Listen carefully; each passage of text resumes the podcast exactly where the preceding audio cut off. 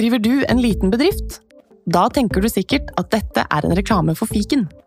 Men det er det ikke, for vi er Folio. Folio er en banktjeneste for bedrifter, og vi er fikenbrukerne sin absolutte favoritt. Med Folio får du nemlig en superenkel nettbank og kjappere regnskap. Dessuten får du påminnelser om alt du ellers må huske på. Med Folio er alt samlet på ett sted, og du får umiddelbart kontroll over utgifter og kvitteringer. Besøk folio.no og se hvorfor bedrifter foretrekker oss fremfor de store bankene. Folio smartere enn banken.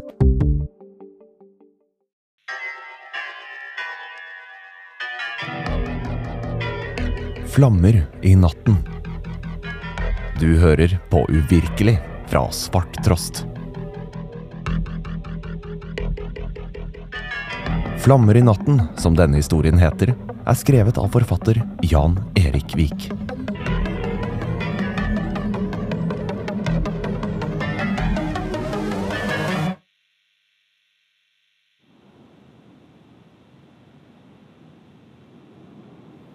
Glenn slo opp øynene.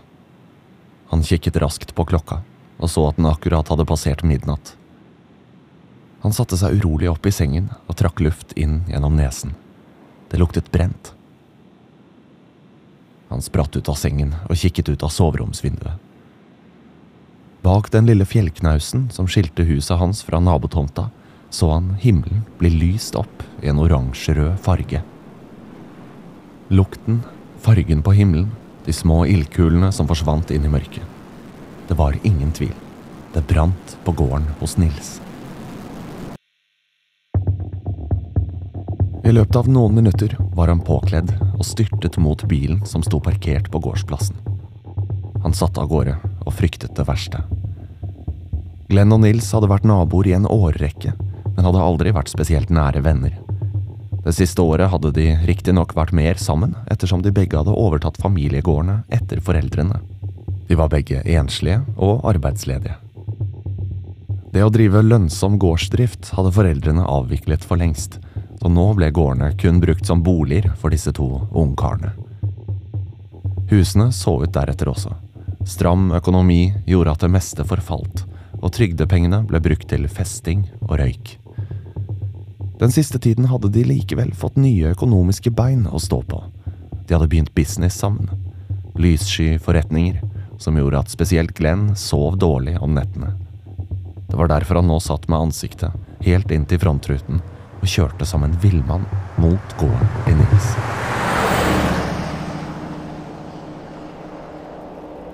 Da han kjørte inn på tunet, så han at det heldigvis ikke var huset som brant, men den lille løa ved siden av. Nils sto rød i ansiktet og spylte med vannslangen inn i flammene. Han hadde nok innsett at bygningen ikke var til å redde, og det var ikke noe stort tap. Den gamle løa hadde vært både falleferdig og ubrukelig, nesten så det var like greit. Glenn småløp bort mot Nils. Hva faen har skjedd, hvordan kunne den antennes? Glenn var tørr i munnen og hadde hvitt slim i munnvikene. Jeg veit ikke, det er helt for jævlig. Nils ristet fortvilet på hodet. Den holdt jo på å rase uansett. Den var ikke trygg. Nå har du spart for arbeidet med å rive den. Glenn knep sammen leppene og kikket mot flammene. Nils ristet fremdeles på hodet. Han sa ingenting, bare fortsatte å spyle. Godt det ikke var hovedhuset, da, Nils. Da hadde vi vært ille ute. Tenk det, ja. Hva skulle vi ha gjort da? Nils svarte ikke, bare sukket tungt. Glenn vred hodet mot Nils og stirret på ham. Han kjente en vond klump vokse i magen og brystet. En klump han hadde kjent mye på i det siste, og spesielt på kveldstid, når samvittigheten og frykten satte inn. Hvorfor uh, svarer du ikke? Det er jo godt at ikke varene er brent opp, ikke sant? Stemmen til Glenn bristet. Han tok tak i skjortekragen til Nils og ristet i ham. Svar, da! Snakk nå, da, mann! Nils rev seg løs og kikket ned i bakken. Jeg… jeg flyttet bagene. Jeg turte ikke å ha dem inne i huset mer. Jeg følte det var for risikabelt, så jeg flyttet dem ut i Nei, nei, nei, nei, nei, ikke faen, ikke si det, har du flyttet dem ut i løa? Nils nikket, nesten uten å bevege hodet, Jeg kunne ikke ha dem i huset. Jeg ble helt paranoid. Glenn tok seg til hodet og virret rundt på gårdsplassen. Han mumlet noen uforståelige setninger før han løp mot Nils igjen. Dette er din feil, forstår du det? Fatter du hvor fucka vi er nå? Det var stoff for flere hundre tusen i de bagene. Flere hundre Å, herregud, så ferdig vi er. Han la seg ned på bakken og skrek høyt. Jeg visste det. Det var for godt til å være sant. Lagre narkotika for tunge dealere i Oslo. Hvordan kunne vi være så naive? Glenn hvisket setningen ut i luften. Nils la fra seg vannslangen og satte seg foran Glenn. Kanskje de forstår at vi ikke kunne noe for det? Vi kan jo ikke noe for at en låve tar fyr. Er du så jævla dum i hodet? Tror du de bryr seg om slikt? Det eneste de tenker på, er penger. De kan jo til og med tro at vi lurer dem. De kommer til å ta livet av oss, eller enda verre, skjære av oss alt vi har av lemmer. Ta det rolig nå, begynte Nils og fortsatte. Jeg skal snakke med dem. Jeg kjenner jo han ene litt. Vi får heller tilby oss å ta nye jobber, gratis. Glenn ble stille. Oppi det hele var han glad for å slippe å være den som måtte fortelle om det som var skjedd. Han var livredd for disse folkene, men da de hadde blitt tilbudt å lagre narkotika for dem, var den svimlende belønningen nok til at fristelsen ble større enn frykten. Nå, derimot, skulle han ønske at han aldri hadde takket ja. Fortvilelsen rev som en rasp i kroppen hans. Ta det rolig nå, Glenn. Jeg skal ta støyten. Jeg stikker inn til byen i morgen, og så hører du fra meg så snart jeg har snakket med dem. Nils smilte skjevt. Glenn åpnet munnen som for å si noe. Ingen lyd kom, og han snudde seg tvert rundt og satte seg i bilen igjen. Han sov ingenting den natten. Tankene lå bare og ulmet som glørne i den nedbrente låven til Nils. Klokka var fire på ettermiddagen da Nils ringte ham. Glenn hadde sjekket mobilen nærmest hvert minutt gjennom dagen og så med gru frem til oppkallet som skulle komme. Da det omsider ringte, ble ikke den vemmelige følelsen noe bedre. Nils skalv i stemmen og sa at de hadde krevd et forskudd på 20 000 kroner. De måtte ha disse pengene samme dagen om fingre ikke skulle ryke. Du fikk jo en sum for bilen din i forrige uke. Var ikke det 20 000 du fikk da? Nils nærmest ropte i telefonen. Ja, ja, jeg, jeg har 20 000. Det er alt jeg har. Har ikke du noe, da? Ikke ei krone. Jeg måtte betale avdrag på bilen og er helt skrapa. Jeg kommer innom og henter pengene om ti minutter. Finn de frem, så skal jeg få overlevert dem. Nils avsluttet samtalen, og Glenn løp straks opp i andre etasje og hentet frem skoesken hvor han hadde gjemt sedlene. Han stirret på dem et par sekunder, før han stappet dem ned i en konvolutt. Tankene raste gjennom hodet da han gikk ned trappa igjen. Dette ville aldri ta slutt. De ville bare fortsette, å kreve og kreve. Men hva skulle de kreve? Han hadde jo ikke mer, og Nils var enda dårligere stilt enn ham. Dette hadde bare én utvei, og det var strake veien til helvete. Nils kom som avtalt og rasket med seg sedlene. Han skulle rett av gårde og avlevere pengene. De vekslet kun et par setninger. Setninger som avslørte en fremtid hvor frykten ikke akkurat ville bli mindre. De skulle la oss få fred en stund nå, men dersom du kan skrape sammen mer penger, så ta vare på dem. Det kommer garantert nye krav. Nils så Glenn dypt inn i øynene. Glenn nikket tilbake og fortalte at han kanskje hadde mulighet til å låne noen penger av faren. Godt å vite, Glenn. Godt å vite. Dette løser seg om vi bare er flinke til å betale på tiden. Samme kvelden var Nils på tråden igjen. Vi må skaffe 20 000 til neste uke. De hadde diskutert med sine sjefer igjen, og de var ikke nådige. Kan du sjekke med faren din, Glenn?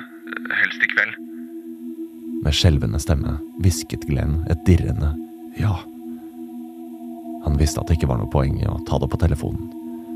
Faren, som ikke akkurat var fornøyd med sønnens arbeidskarriere, var ikke direkte løssluppen med pengene sine. Glenn visste at han måtte krype kraftig for å få låne en slik sum. Han satte seg i bilen og kjørte innover mot byen. Bensintanken lå og vippet helt på nederste streken, og han måtte bruke sine siste hundrelapper på å fylle noen liter. Da han sto og fylte bensin, og samtidig øvde seg innvendig på tiggetalen til faren, kjente han plutselig en hånd som la seg på skulderen. Glenn snudde seg raskt rundt. Kroppen kjentes med et helt vissen. Det var som om han ble senket ned i iskaldt elvevann. Mannen som sto bak ham, var ingen ringere enn han de hadde avtalt å lagre narkotikaen for. Var dere fornøyde med avtalen? Spørsmålet ble stilt med hviskende stemme og granskende øyne. «Eh, Ja, ja. Glenns stemme skalv. Han kunne ikke si noe på at de krevde 20 000 for å ha mistet hele ladningen med narkotika. Jeg håper dere var fornøyde med utbetalingen. Jeg forsto at du ikke ville være med på neste omgang, men at Nils ville ta jobben alene. Jeg forstår det og godtar det. Det er, eh, som Nils sikkert har sagt, helt andre mengder denne gangen. Men du holder kjeft. Vi vet at du vet, og har klare prosedyrer på tystere. Han dro en finger diskré over halsen og smilte falskt. Glenn trodde knapt det han hørte. Han forsto straks at han var lurt trill rundt. At Nils hadde iscenesatt brannen, tatt pengene for jobben og i tillegg lurt ham for alle pengene fra bilsalget. Og ikke nok med det, han hadde også laget seg en ny gullkantet avtale. I, i, ingen fare med meg. Jeg holder kjeft. Avtalen er mellom dere og Nils nå. Han passer bedre til slikt enn meg. Glenn strakk hånden frem for å bekrefte at han holdt ord. Hånden hans ble møtt med et hardt håndtrykk. Greit. Vi er ferdig med hverandre. La det bli slik. Den hardbarka dealeren snudde seg rundt og forsvant i en sort Porsche. Glenn ble stående med bensinpumpa i hånden. Han stirret ut i lufta. På en måte var han lykkelig over utfallet, men samtidig så vokste det noe i ham som han tidligere aldri hadde kjent på. Et hat og en aggresjon som lokket ham ut i en verden av hevnfull kreativitet. På den ene siden kunne han dra hjem og puste lettet ut. Den fortvilte situasjonen han trodde han var oppi for bare minutter siden, var forduftet som fordampet vann. Han kunne også dra til Nils og konfrontere ham med hva han hadde hørt, kreve pengene tilbake og gjenopprette balansen i regnskapet. Men han brydde seg ikke om pengene lenger, dreit i hele økonomien. Andre følelser var sterkere. Han ville at Nils skulle få svi.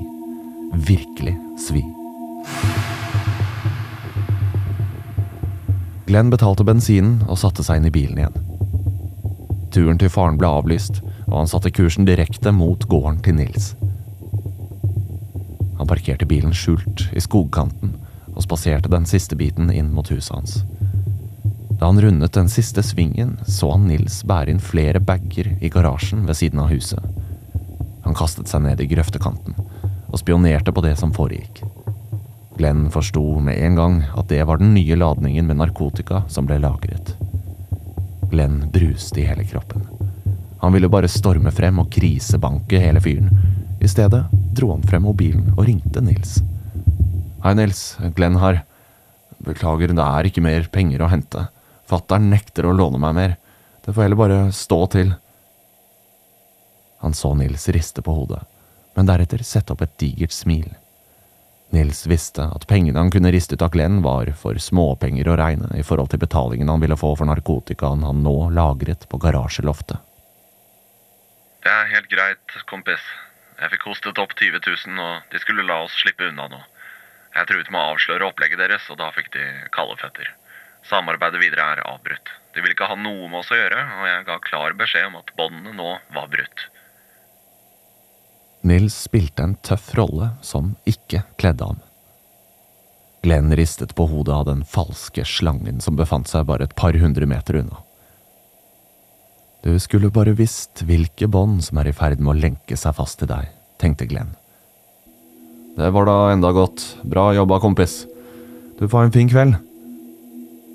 Glenn avsluttet samtalen, og så samtidig at siste bag ble båret inn i garasjen. Deretter ble han sittende i veikanten et par timer til roen i huset til Nils senket seg og lysene ble slukket. Han hadde god tid. trengte ikke å forhaste seg. Vel hjemme i egen seng la Glenn hodet rolig ned på puta. Han slukket lyset og kjente etter hvert lukten av brent treverk. Han vred hodet til siden, slik at han fikk se ut av soveromsvinduet. Der så han himmelen over fjellknausen som skilte huset hans fra nabotomta. Den lyste oransjerødt opp, og små ildkuler forsvant inn i mørket. Denne gangen spratt han ikke opp igjen, men ble liggende rolig i sengen. Øyelokkene gled etter hvert sammen, og han falt inn i en behagelig søvn.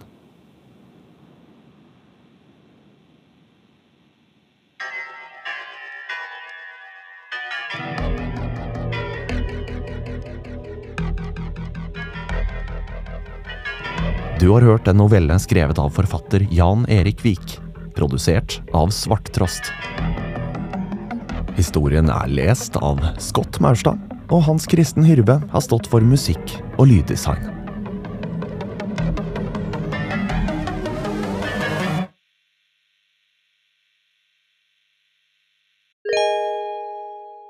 Har du et enkeltpersonforetak eller en liten bedrift? Da er du kanskje en av de som gruer seg til næringsoppgave og årsregnskap hvert år. Tenk så deilig det hadde vært om du kunne trykke på en knapp, og så var du ferdig. Med fiken kan du det. Trykk på knappen, så sender vi det som trengs rett til Altinn for deg. Gjør som over 70 000 andre, ta regnskapet selv med fiken. Prøv gratis på fiken.no. Skal du pusse opp eller bygge noe nytt? Ikke kast bort tid på å lete etter håndverkere selv. Gå inn på mittanbud.no og lag en beskrivelse av jobben du ville ha gjort. Så mottar du tilbud fra flere erfarne håndverkere som du kan sammenligne. Med mange tilbud er du sikrere på at du velger riktig bedrift, og at jobben blir skikkelig utført. Mittanbud.no få jobben gjort.